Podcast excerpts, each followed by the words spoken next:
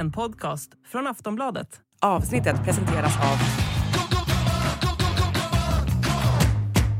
Stödlinjen.se, åldersgräns 18 år. In the supermarket, you have eggs class 1, class 2, class 3. And some are more expensive than others, and some give you better omelets. That's the wrong information. Wrong, wrong, wrong information. I didn't say that. That's the wrong information. Varmt välkomna ska ni vara till Sillypodden denna torsdag.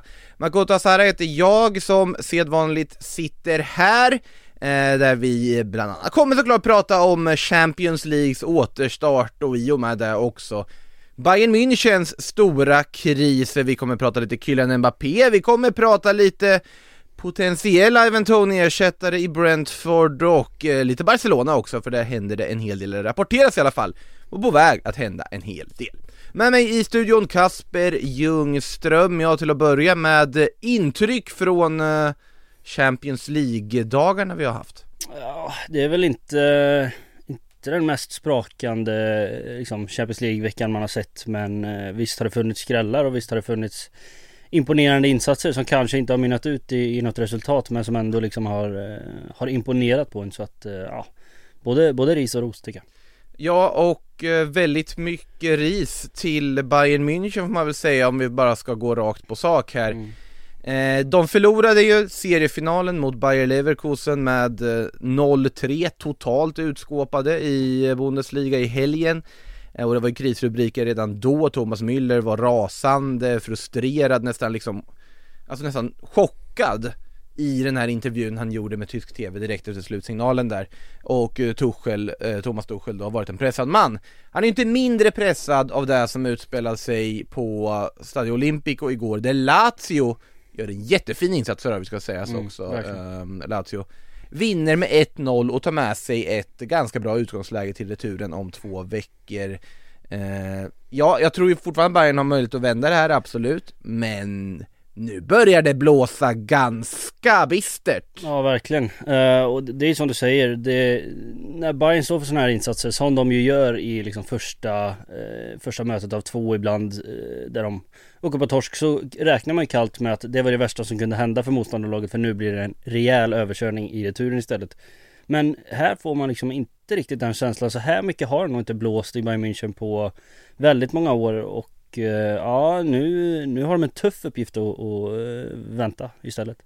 Alltså det man måste göra här också är ju att backa bandet i, ja vad blir det, ett knappt år tillbaka när Julian Nagelsmann fick lämna klubben och det var ju ganska chockerande sparkning man valde att göra då av Nagelsmann som man entledigade eh, för att ta in en tränare som då relativt nyligen blivit tillgänglig på marknaden. Den tränaren är ju Thomas Tuchel. Eh, man hade tittat på vad Chelsea gjorde 2021 när de gick hela vägen till eh, titeln med Tuchel vid rodret. Man eh, kände att här och nu, om man fortsätter på det Nagelsmann-spåret så kommer inte Bayern München, eller som de sa då, då är trippeln i fara. Det är den självbild som Bayern München har. Och det här var ju något av det mest liksom amerikanska som FC Hollywood någonsin gjort, att det här påminner ju precis om när lag precis innan trade deadline i NHL drar på sig massa storstjärnor på korta kontrakt bara för att i år gäller det. Och det var ju lite den känslan man fick, en väldigt kortsiktig känsla man fick av det Bayern München gjorde då.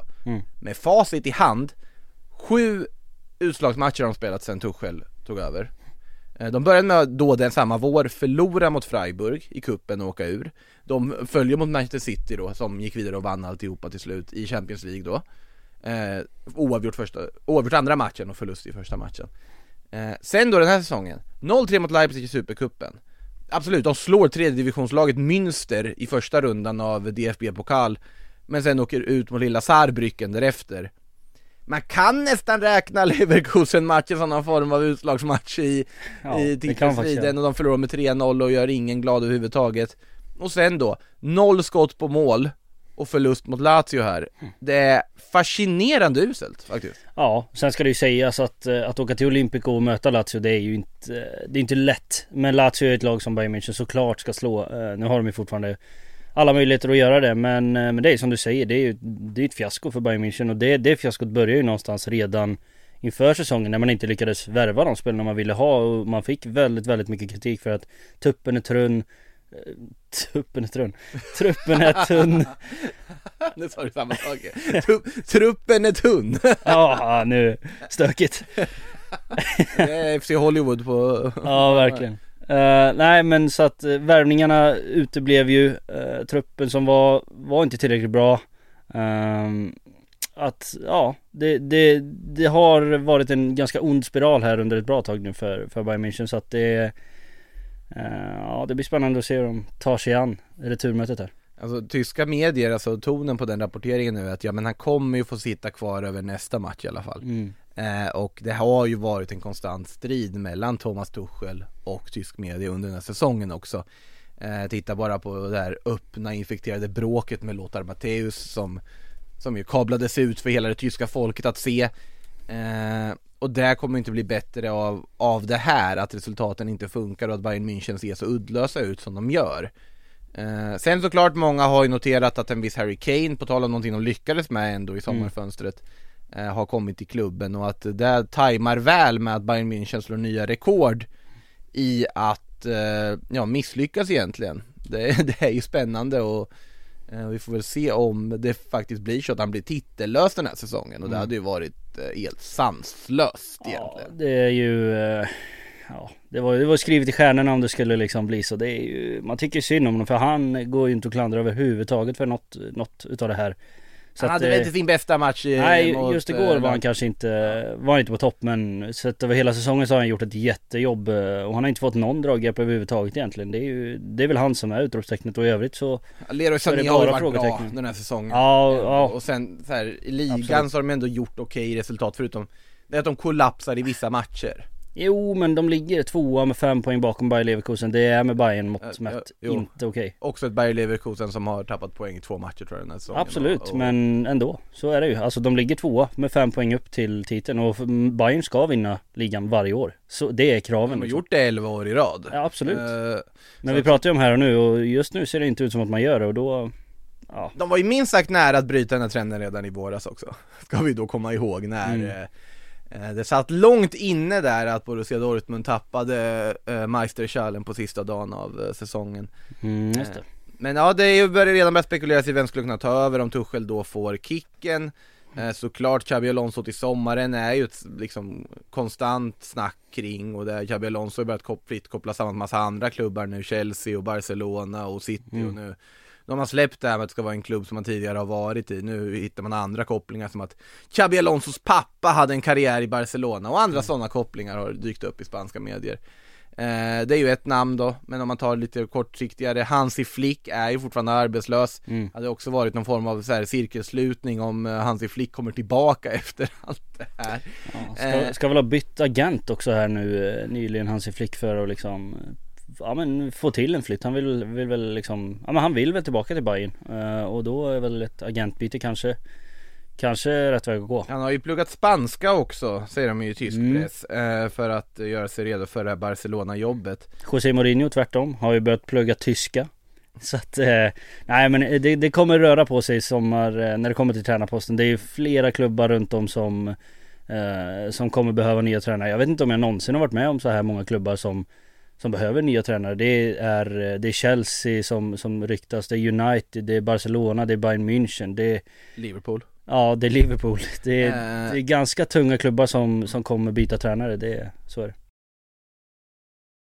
Vi slänger in en fråga här från Peter som jag har fått eh, på Twitter, vägrar säga X eh, När och om Bayern sparkar eh, Thomas Tuchel finns tre världens mest eftertraktade coachjobb tillgängliga och då åsyftas ju Bayern München, ja, och Barcelona och Liverpool som är bekräftat tillgängliga Mm. till sommaren eh, Vilket är mest eftertraktat och vem borde ta vilket? Det här är, kan, vi kan ju sitta och lägga det här pusslet hur länge som helst och fastna i det här träsket Ja, Men eh, Och mest eftertraktat, det är väl Det handlar väl Liverpool. också Ja, Eller? Liverpool är väl objektivt sett men det handlar väl också om vem man frågar Alltså så här, för Hansi Flick så Så är väl Bayern München mest eftertraktat och det finns väl någon som har Barcelona högst upp på den listan och Liverpool Alltså så här, så att Det är svårt att avgöra men det är klart att Liverpool i Premier League Det lockar väl vilket är mest otacksamt? Det är ju Barcelona Det är det ju inget snack om För att det är Det, det kommer inte lösa sig eh, på några plan bara för att de byter tränare. Så, så är det ju. Det kan ju lösa sig tillfälligt på, på planen men Alltså Det finns andra bekymmer Det går också att jämföra med Liverpool, absolut, det är ju för sig inte en klubb som kommer att Det är ändå en klubb som oftast har en supporterbas som har relativt mycket tålamod, även Mm. om det här tålamodet kanske testas oftare i och med att man blir vana vid att vara en toppklubb Vi ska komma ihåg att när Jörgen Klopp tog över Liverpool för eh, massa, massa år sedan Så då var de ju ganska långt ifrån allt vad titlar heter och det var Christian Benteke på topp och det var, ja Mm. De var långt ifrån där de är idag och där de har varit under de senaste åren axla det här förtroendet, liksom axla den manteln, det är inte en lätt uppgift för det kommer jämföras med Jörgen Klopp vad du än gör eh, Den är svår I Barsas fall då är ju problemet att du måste antagligen anpassa dig efter att inte ha överhuvudtaget några pengar att sätta, forma din trupp med nej. i Bayerns fall så är det otacksamma biten i att du kommer till det som nu faktiskt börjar utvecklas till ett FC Hollywood igen. Mm. En klubb där tränare inte har särskilt mycket makt. Eh, där du, Bayern har alltid varit en klubb där det snarare är spelarna som har den stora makten. Eh, och det räcker med att bara titta på vissa uppgifter som dykt upp i eh, bild till exempel, om att spelarrådet i Bayern med de mer liksom erfarna spelarna, att de är ju till 75% emot Thomas Tuchel, att det bara är Manuel Neuer som har hans rygg fortfarande. Så du har ju den typen av internpolitik och ledning och stora namn och tysk press och hela den biten att hantera. Det är inget tacksamt jobb att ta över heller. Ja, det, är, inte- det är inte tacksamt men jämför man med, eh, med Barcelonas situation så är det ju tacksamt. Det tycker jag fortfarande. Alltså det, att, att kliva in i Barcelonas projekt 2024 det är, det är ett mardrömsuppdrag. Så är det bara. För att du har ingenting eh, att göra liksom. Du kan inte, du, som du säger, du kan inte forma truppen själv. Du har eh, oerhört begränsade medel när det kommer till, eh, ja men till sportsliga, alltså du har ingen jätte jätte jättebra trupp. Eh, och jag menar det, aj, Barcelona är överlägsna på, på mi- minst tacksamt. Det blir ju det här som är svåra att bolla då, att eh, ledningen vill sälja Frenkie de Jong till exempel då. Mm. Du vill kanske behålla Frenkie de Jong. Om man inte vill behålla Frenkie de Jong och Frenkie de Jong säljs, hur ersätter du honom? Ja, du kommer inte kunna handla från den högsta hyllan för att göra det. Nej. As of now i alla fall, vi får se. Så att det, alltså tacksammaste på så vis är ju ändå Liverpool. Mm. Och kanske då på något sätt efter det här, för där har du ju faktiskt en klubbledning som, jag vet att många tycker olika om FSG men jag är väl nog med på Patrik Syk-spåret där så att säga, att jag är nog i ringhörnan som tycker att de gör ganska mycket rätt i den klubben. Ja, har gjort väldigt mycket rätt i den klubben, även om de håller hårt i plånboken ibland. Så att, eh, av dem så Ja, om man ska slänga in Chelsea i den mixen då, då är det väl ett jobb man inte skulle röra med tång känns det som i Nej. dagsläget heller, även om det är en väldigt formbar grupp som de har samlat Mm. ihop för väldigt mycket pengar. Och United ska väl nämnas i ekvationen. Det är ju inte heller ett uppdrag som många har tagit sig an med och, och lyckas, eh, lyckats speciellt bra här så att eh, Det känns väl ändå Ten Hag att det Absolut. inte blåser lika mycket kring Erik Ten Hag med tanke på att de faktiskt börjar göra lite resultat också. för stunden men skulle det svänga så hänger han nog mer löst än vad jag gjorde innan. Ja, nej det kan bli en väldigt spännande karusell eh, som påbörjas eh, och det är många tränarfrågor och jag tänker att eh, eh, vi kommer kanske tillbaka lite till det och eh, spekulera så får vi lite tid på oss att fundera över några namn och annat här eh, som skulle passa i de här olika vakanta jobben eh, och gå på lite annat på vägen dit. Eh, vi kan väl ta oss till, eh, ja vi kan väl stanna i Barcelona faktiskt och titta på spelarfronten egentligen. Eh, för att de är ju en, det händer ju saker där, det är många spelare som det rapporteras komma bud på. Eh, Frenkie de Jong nämnde jag nyss och det har ju kommit lite uppgifter om att Tottenham ska vara intresserade av honom. Eh, och Premier League-intresse finns ju överlag för en spelare med den kalibern. Men det är också en spelare som Barcelona återigen har hamnat i ett läge där de egentligen inte har råd att behålla honom. För hans lön kommer öka Mm.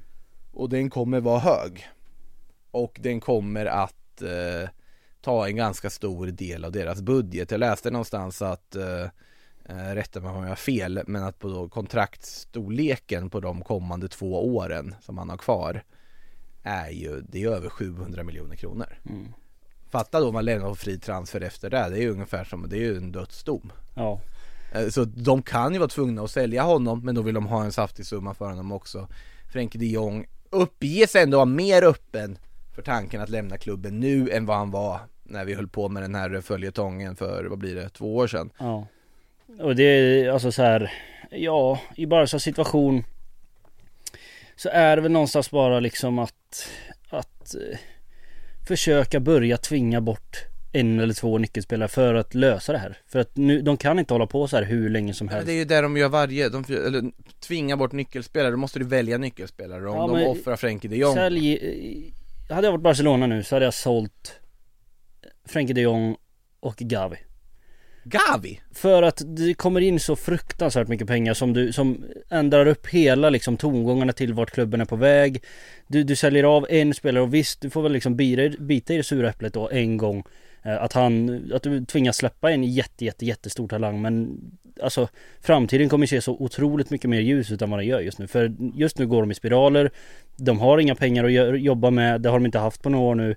De är inte på väg uppåt. Alltså någonting behöver ju ske, någonting drastiskt. Och det är ju att ekonomin blir bättre. Absolut Och Frenkie de Jong försäljning skulle göra mycket i det Och jag förstår varför de skulle sälja honom Återigen det förutsätter dock att de, de kan inte bara tvinga bort Frenkie de Jong, kan inte frysa ut honom för att sälja honom för då kommer spelarfacket på dem.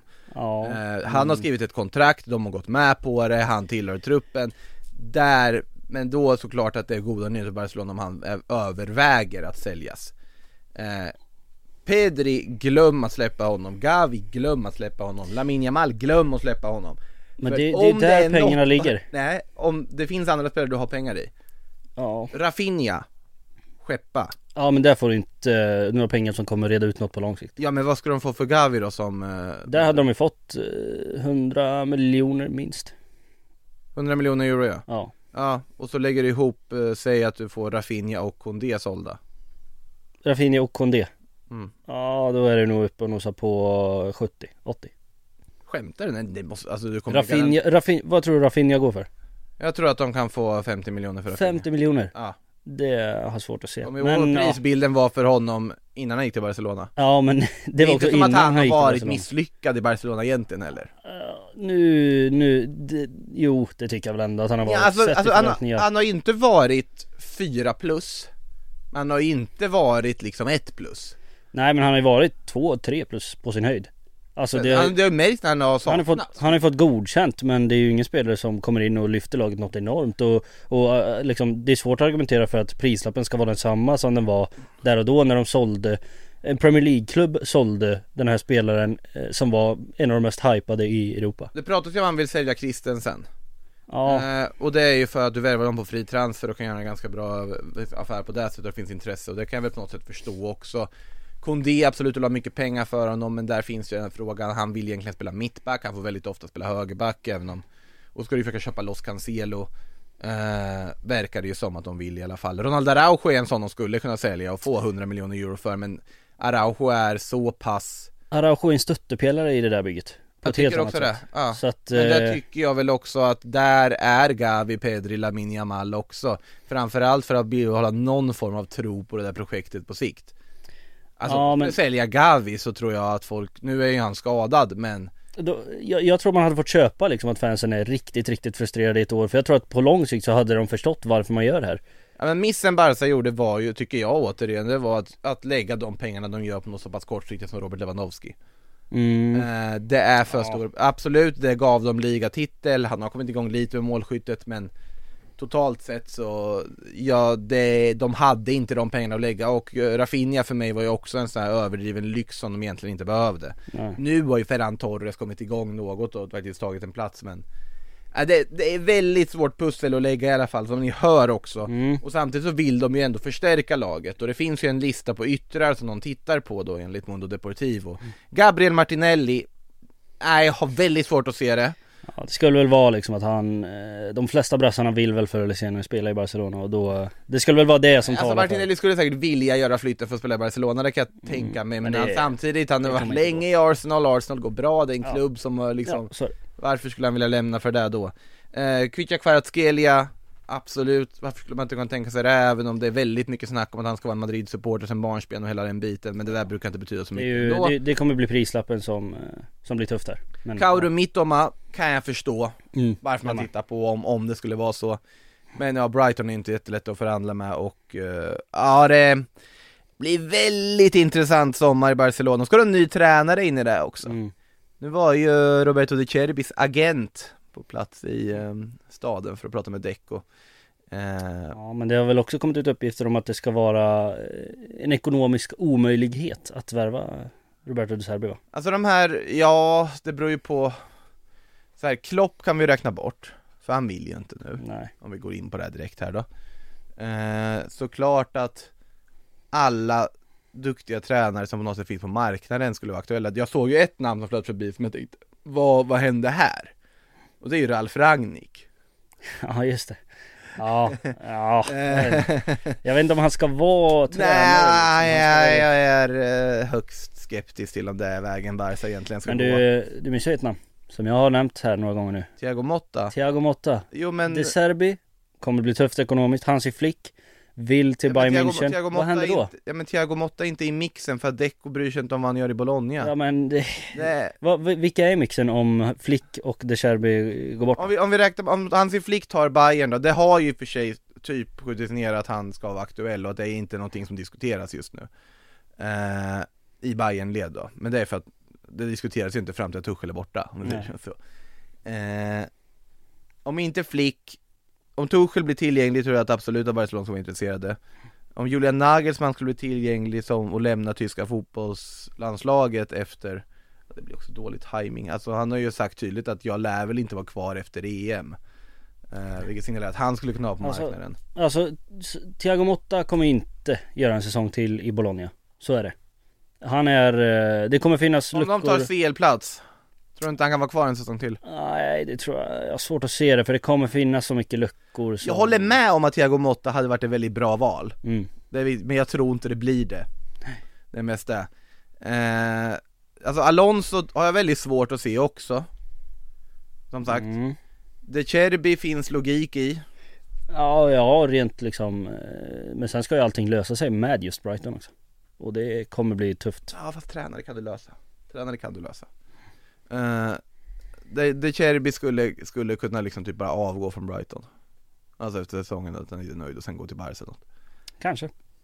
Ja, den, den ser jag ju mer trolig än Motta på det här sättet Sen eh, vem som är rätt för så här, Alltså Garcia Pimienta som har gjort det jättebra i Las Palmas till exempel hade ju varit rimligt också så här som ligger på rätt hylla Men han har ju inte varit överhuvudtaget aktuell och han blev ju lite bortskifflad från Barcas verksamhet också. Finns lite ont blod där och med, nej och, och alltihopa. Eh, Emanuel Alguacil är totalt ointresserad av att flytta från Real Sociedad och han ska inte göra det heller. Eh, och tror absolut inte att det är rätt väg att gå för Barca. Michel från Girona hade jag tyckt varit en väldigt sunt, intressant drag Sen är det stor skillnad på att göra succé med Girona och att träna en av världens största klubbar Men Michel verkar ju inte heller tänka så mycket på Barcelona här Där har du ju När, mer ekonomiskt sansade, liksom, när du... eh, inrikes alternativ Ja, när du ändå liksom spottar namn som har spansk koppling så bollar jag upp ett namn bara. Andon Iraola. Det är väl inte helt otänkbart att han om Barcelona knackar på dörren så är Bournemouth liksom inget som så här gör att han, nej men jag brinner Bourne- verkligen Bournemouth Bournemouth. sparkade ändå Gary O'Neill ut ur tomma intet för att Mm. de, lite likt då Bayern München Mm.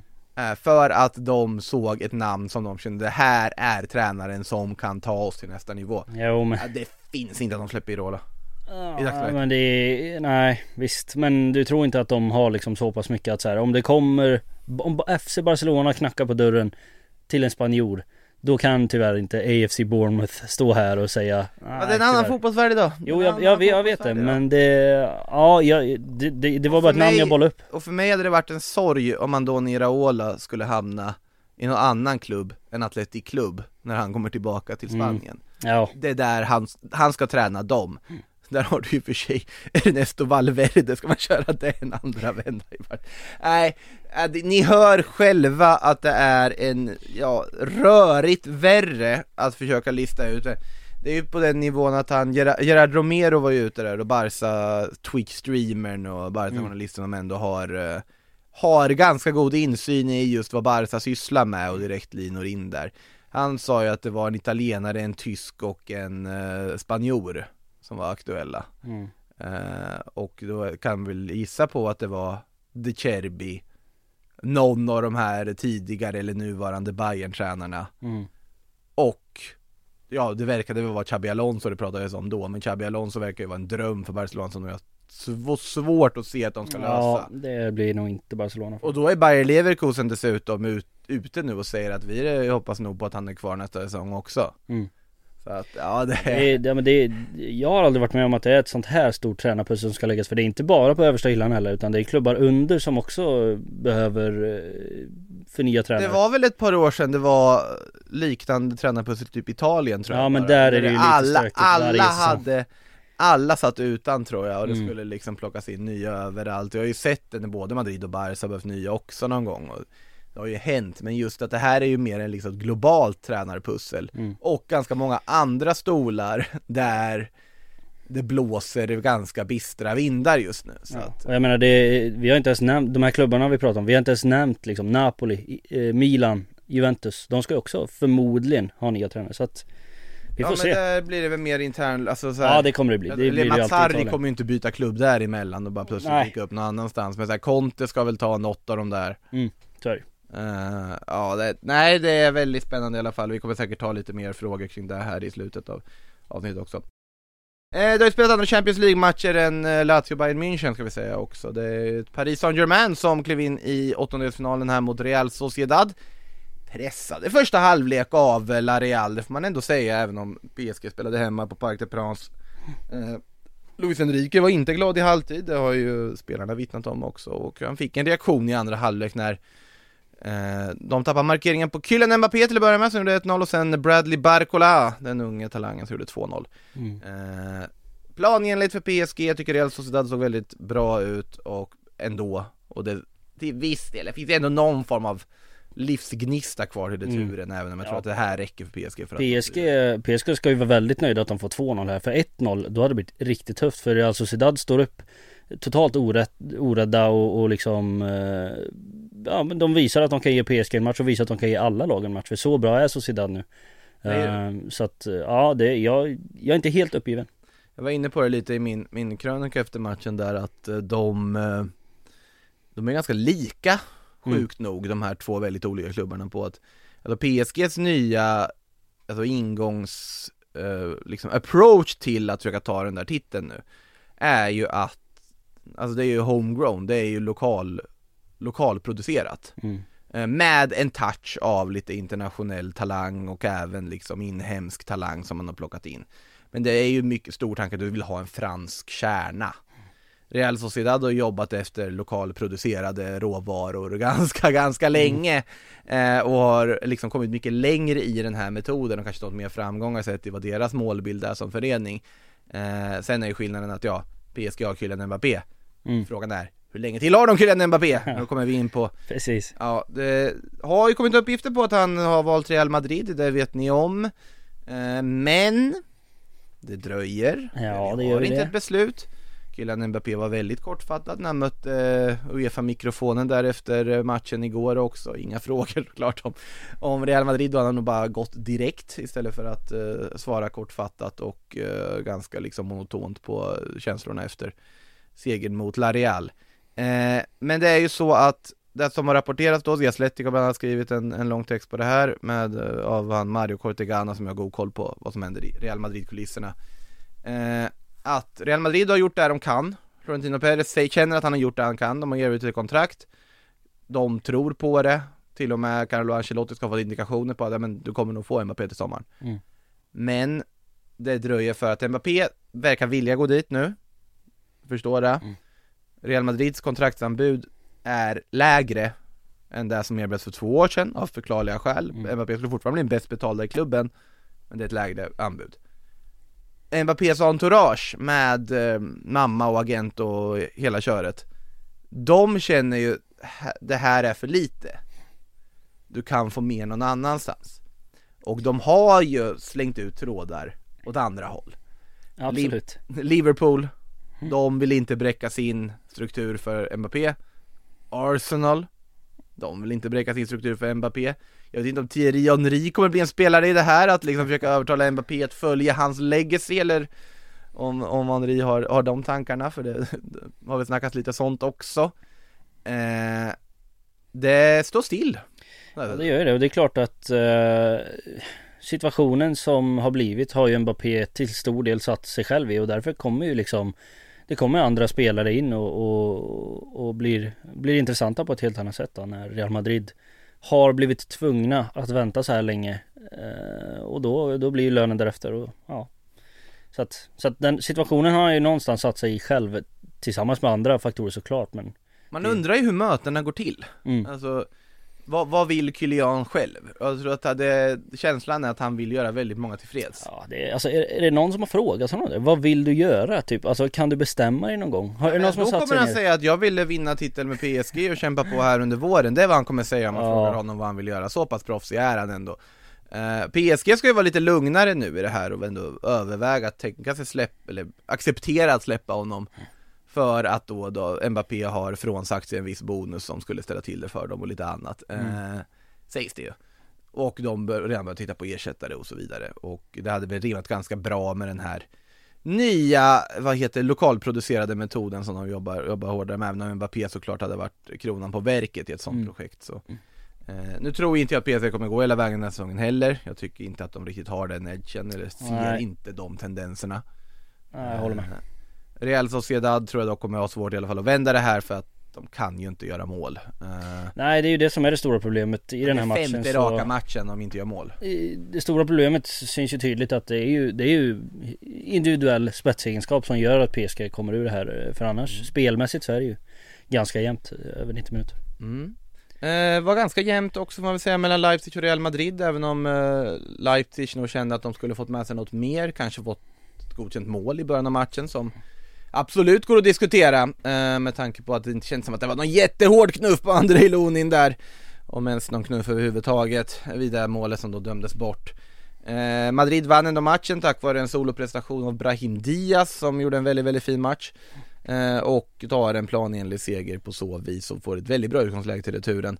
De lär väl lösa det. Ja, det får man ju tänka sig. Eh, rapporterna nu, nu fastnar jag lite här men Jude Bellingham är, är ska vara tillbaka till returen, eller hur ser det ut? Ja det ska han väl vara sägs det och sen Och då, Sen är ju han dock kortbelastad mm, ja det är han ju visserligen. Gult kort till så är han avstängd i en Mm. eventuell kvartsfinal 2- 2-0 så tror jag inte man har chansat. 1-0, mm, Jag tror de spelar man- honom om han är tillgänglig, det ja tror det tror jag nog. Eh, sen som sagt, Brahim Diaz fyllde ju den rollen ganska väl, minst sagt, i den här matchen.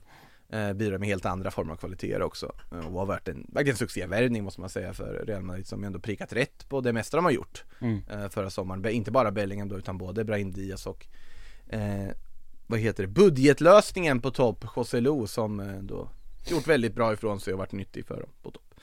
Eh, City kommer också gå vidare kan vi nog slå fast även om eh, de FCK stod för väldigt fint kvitteringsmål i den här matchen. Mm. Eh, men det vart ju en planenlig seger för dem och det finns inte mycket mer att orda om det känner Nej. jag. Det är ju, de, de är ju för tunga helt enkelt för, för en klubb som Köpenhamn. Mer Sorry. intressant av fantasy-skäl vilka Pep Guardiola spelade, men man kanske inte ska dra sig för stora växlar av att man vet inte, vilades Julian Alvarez eller petades Julian Alvarez? Det vet ingen förutom Pep Guardiola i det här läget. Det var lite, lite skadebekymmer också eh, där så att eh, det kan nog finnas rum för, för Alvarez i en startelva i dubbelomgång som väntar. Ja, du, eh, börja inte spela FBL om ni, eh, om ni har undvikit det hittills, det är absolut inte värt det. Eh, jag och Kasper har många olika diskussioner kring detta Verkligen. fenomen eh, när vi inte sitter och poddar. Mm. Eh, på tal om något som vi ska prata om i poddsammanhang så går vi väl över till lite mer silly-rykten. Vi var inne på Barcelona och det som ryktas kring dem. Något som inte är ett rykte utan klart presenterat officiellt, done deal. Det är Igor Thiago till Brentford i sommar. Och vem i hela friden är detta kanske ni undrar? Jo, en 22-årig brasse som eh, i somras bytte Ludogorets Razgrad i Bulgarien mot eh, mot Klubb Brygge i Belgien där han har gjort stor succé med 16 mål i ligan hittills. Eh, Brentford eh, pungar ut eh, strax över 30 miljoner pund för denna målfarliga brasse.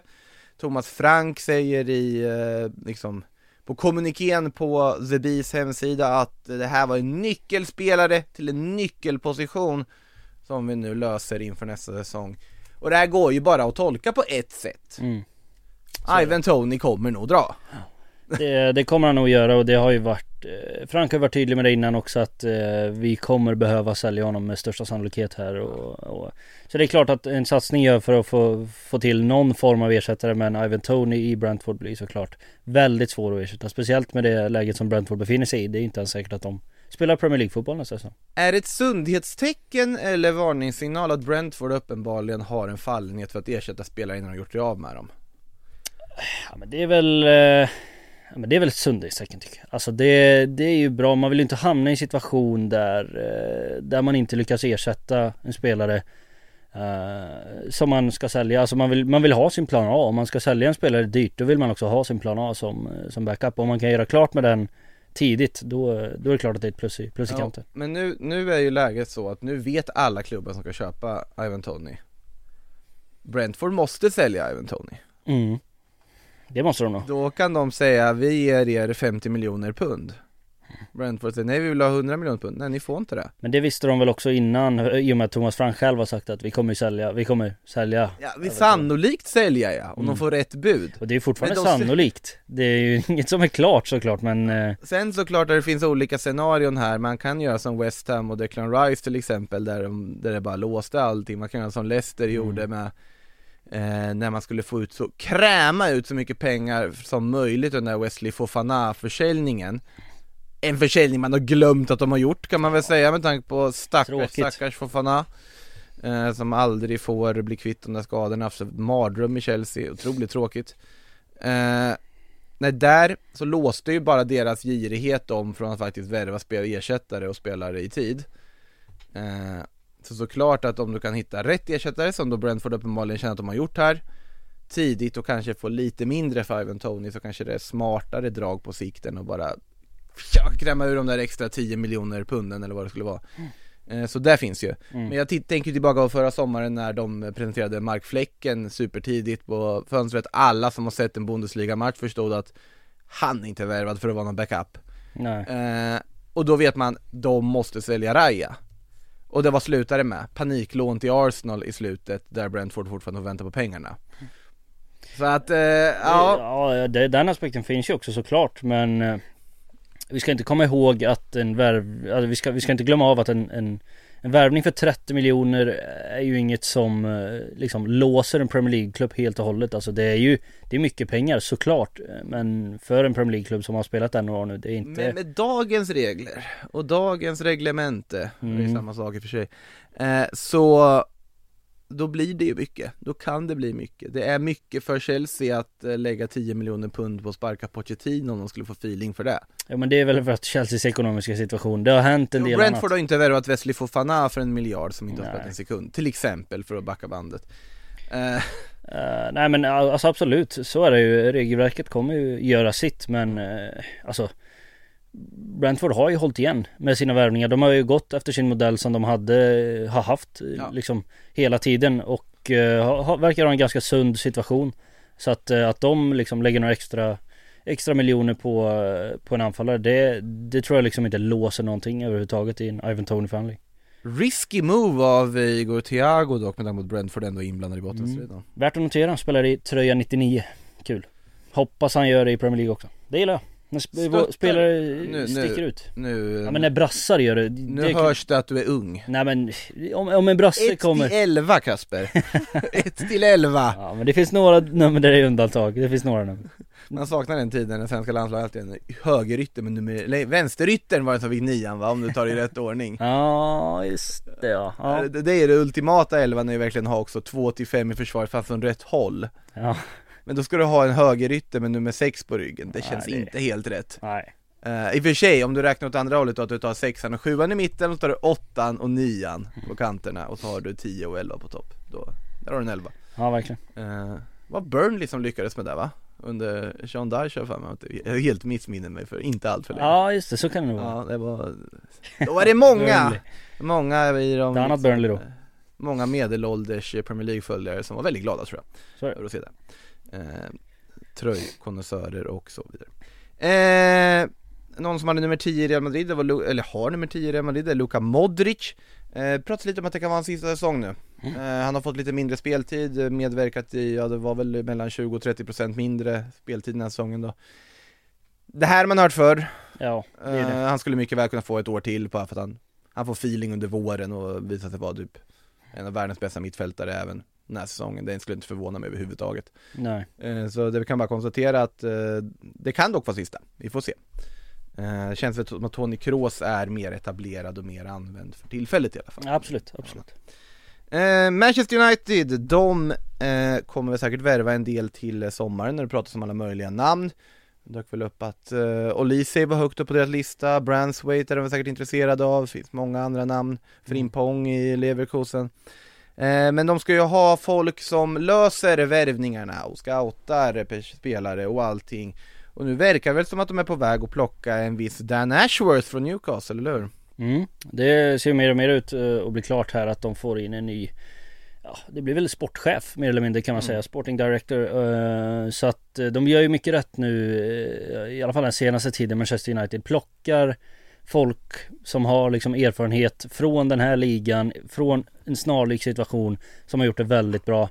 Eh, liksom ägarbytet blev ju officiellt här, eh, eller bytet, men att, att Ratcliffe köpte in sig. Förändringen i ägarstrukturen. Mm, exakt. Eh?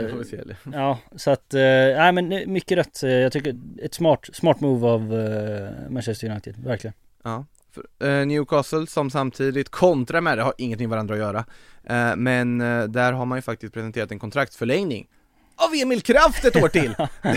ja, det gjorde mig glad Ja, det mig trodde glad. jag absolut inte att han, varken han eller Newcastle var intresserad av, men det blir en fortsättning för Crafu som jag såg att de presenterade honom med. Rafu, ja precis Otroligt. Nej jag blev jätteglad för det faktiskt eh, Jag tycker det, det är fint ändå Det trodde man att en av de första ut när de eh, får de här Saudiska pengarna, det skulle vara Emil Kraft men han håller i sig och även om han varit borta med skada och så vidare så Får lite speltid ibland Ja, han, och- han är ju ganska uppskattad av supportrarna. Det är klart att man blir lite av en man blir lite utskrattad när man är i hans situation där man liksom ständigt sitter i någon frysbox och så men, men när han får spela så är det så här då, ja.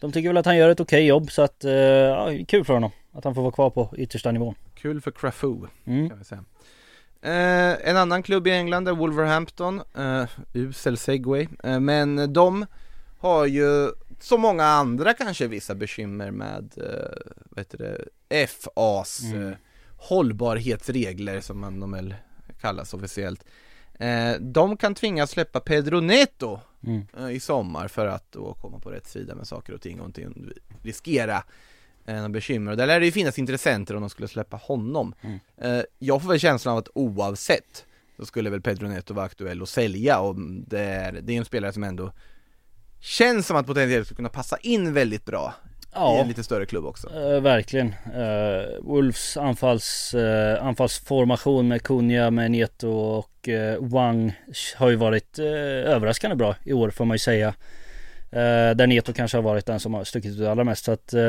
det är klart att det är en spelare som besitter en högre nivå och som eh, ska få, få testa. Han har ju blivit Han har ju, han har ju varit på, på många klubbars radar förut men så har det ju blivit skador som har satt stopp för flyttar och så men nu eh, Nu han får vara skadefri ett bra tag så att eh, Och då har det ju lossnat sportsligt också så att Det är klart att eh, någon nivå upp ska han väl. Mm.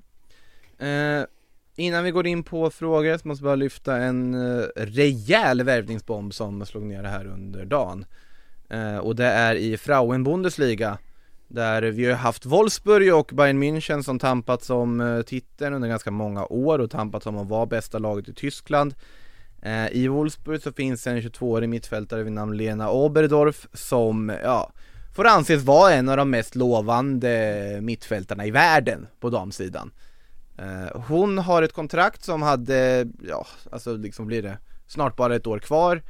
Uh, Wolfsburg kände att de vill ändå casha in Mm. i det här läget. Det finns en utköpsklausul i det här kontraktet som ligger på 400 000 euro, det är ju, min, det är ju blygsammare summor på damsidan då. Eh, men det här är då ett försäljningsrekord när hon då skriver på för FC Bayern.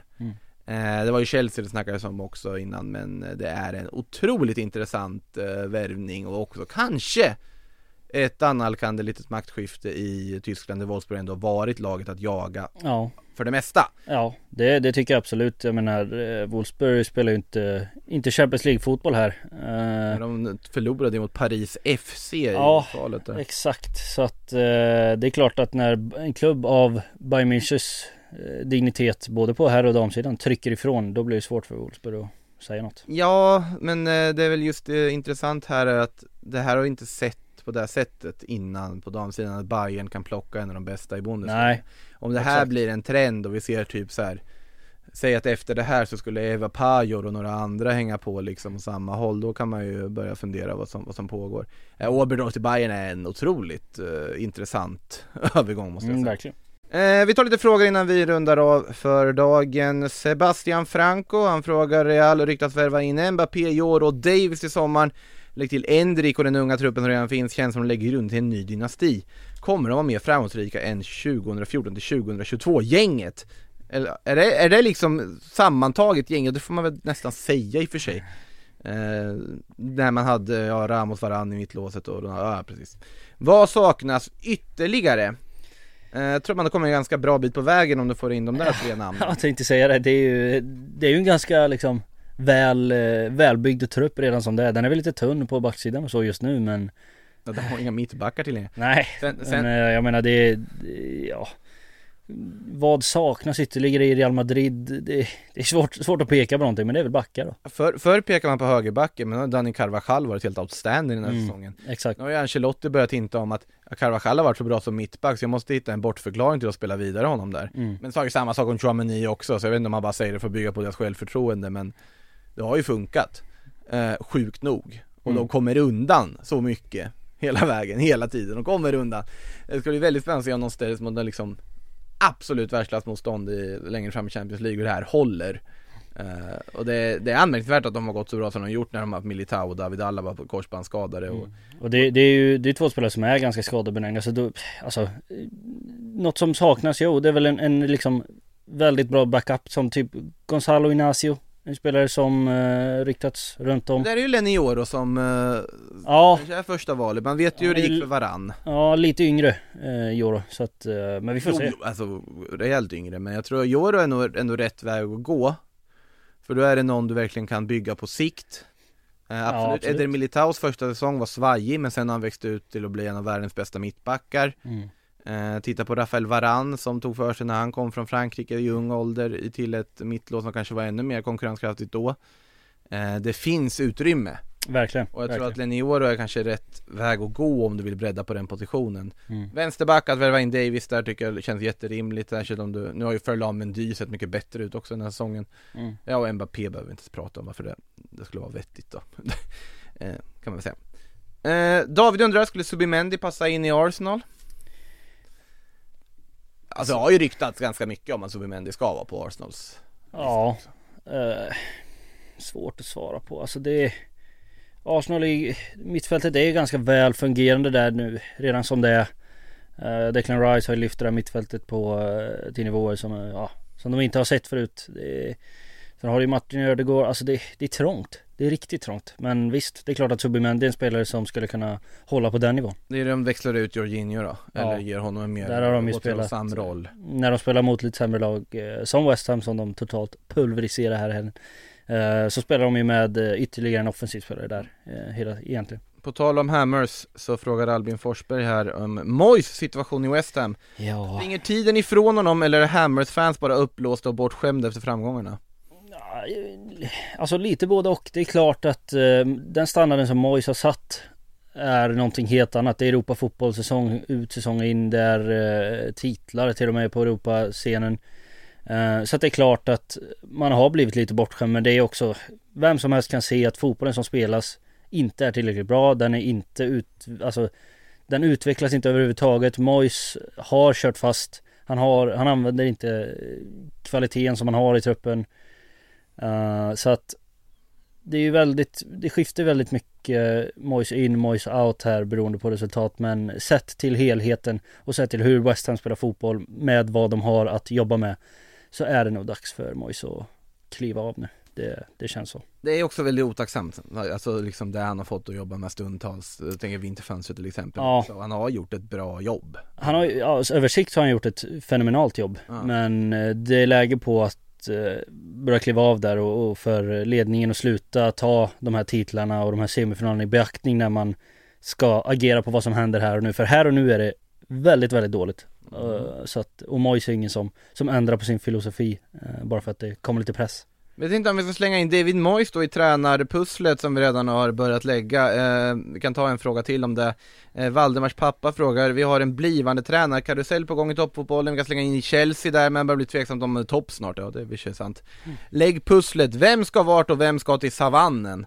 Eh, David Moyes, ska han till savann, eh, savann eller ska han till, var, var placerar man honom efter det här? Ja, Barca? det skulle väl vara liksom att han till slut får ta sitt drömgig i Celtic. Eh, David Moyes, han har ju drömt om det. Alltså han är ju Celtic-fan eh, från barnspel så att det hade väl varit fint för Ganska honom. sjukt att det inte har blivit av än. Ja, det är det ju. Och det, det hade varit fint för honom eh, om det blev så. Men, Ja. ja. Så att, och, och ersätta honom, ja, Graham Potter nämns ju där. Glasner var kandidat men han ska uppenbarligen Glasner ska till Palace såg jag. Precis, han ska ju till Crystal Palace. Ehm, Vart, då är just, vad ska Cooper göra då? Ja, Cooper. Vad ska han? Han kanske också ska nämnas till West Ham, vad vet jag. Eh, Ja. Wow. Det är ju liksom, men det, det är ju just det. Det finns ju så många alternativ för klubbarna att ta eh, av och eh, så många alternativ för de lediga tränarna att välja mellan. Så att det, det är väldigt svårt att lägga ett pussel här nu men eh, eh, vi har väl gjort det lite grann här i, i avsnittet tycker jag. Eh, vi fortsätter med tränarpusselfrågor. Linus Norman frågar om nu Tuchel får sparken och lämnar, ska FC Hollywood ta in Mourinho? Hade varit underhållande. Ja, snälla gör det, Ja. jag ber er. Ja, man drömmer om det. Ja, det, är- det är allt jag vill se. Eh, och det känns inte helt osannolikt.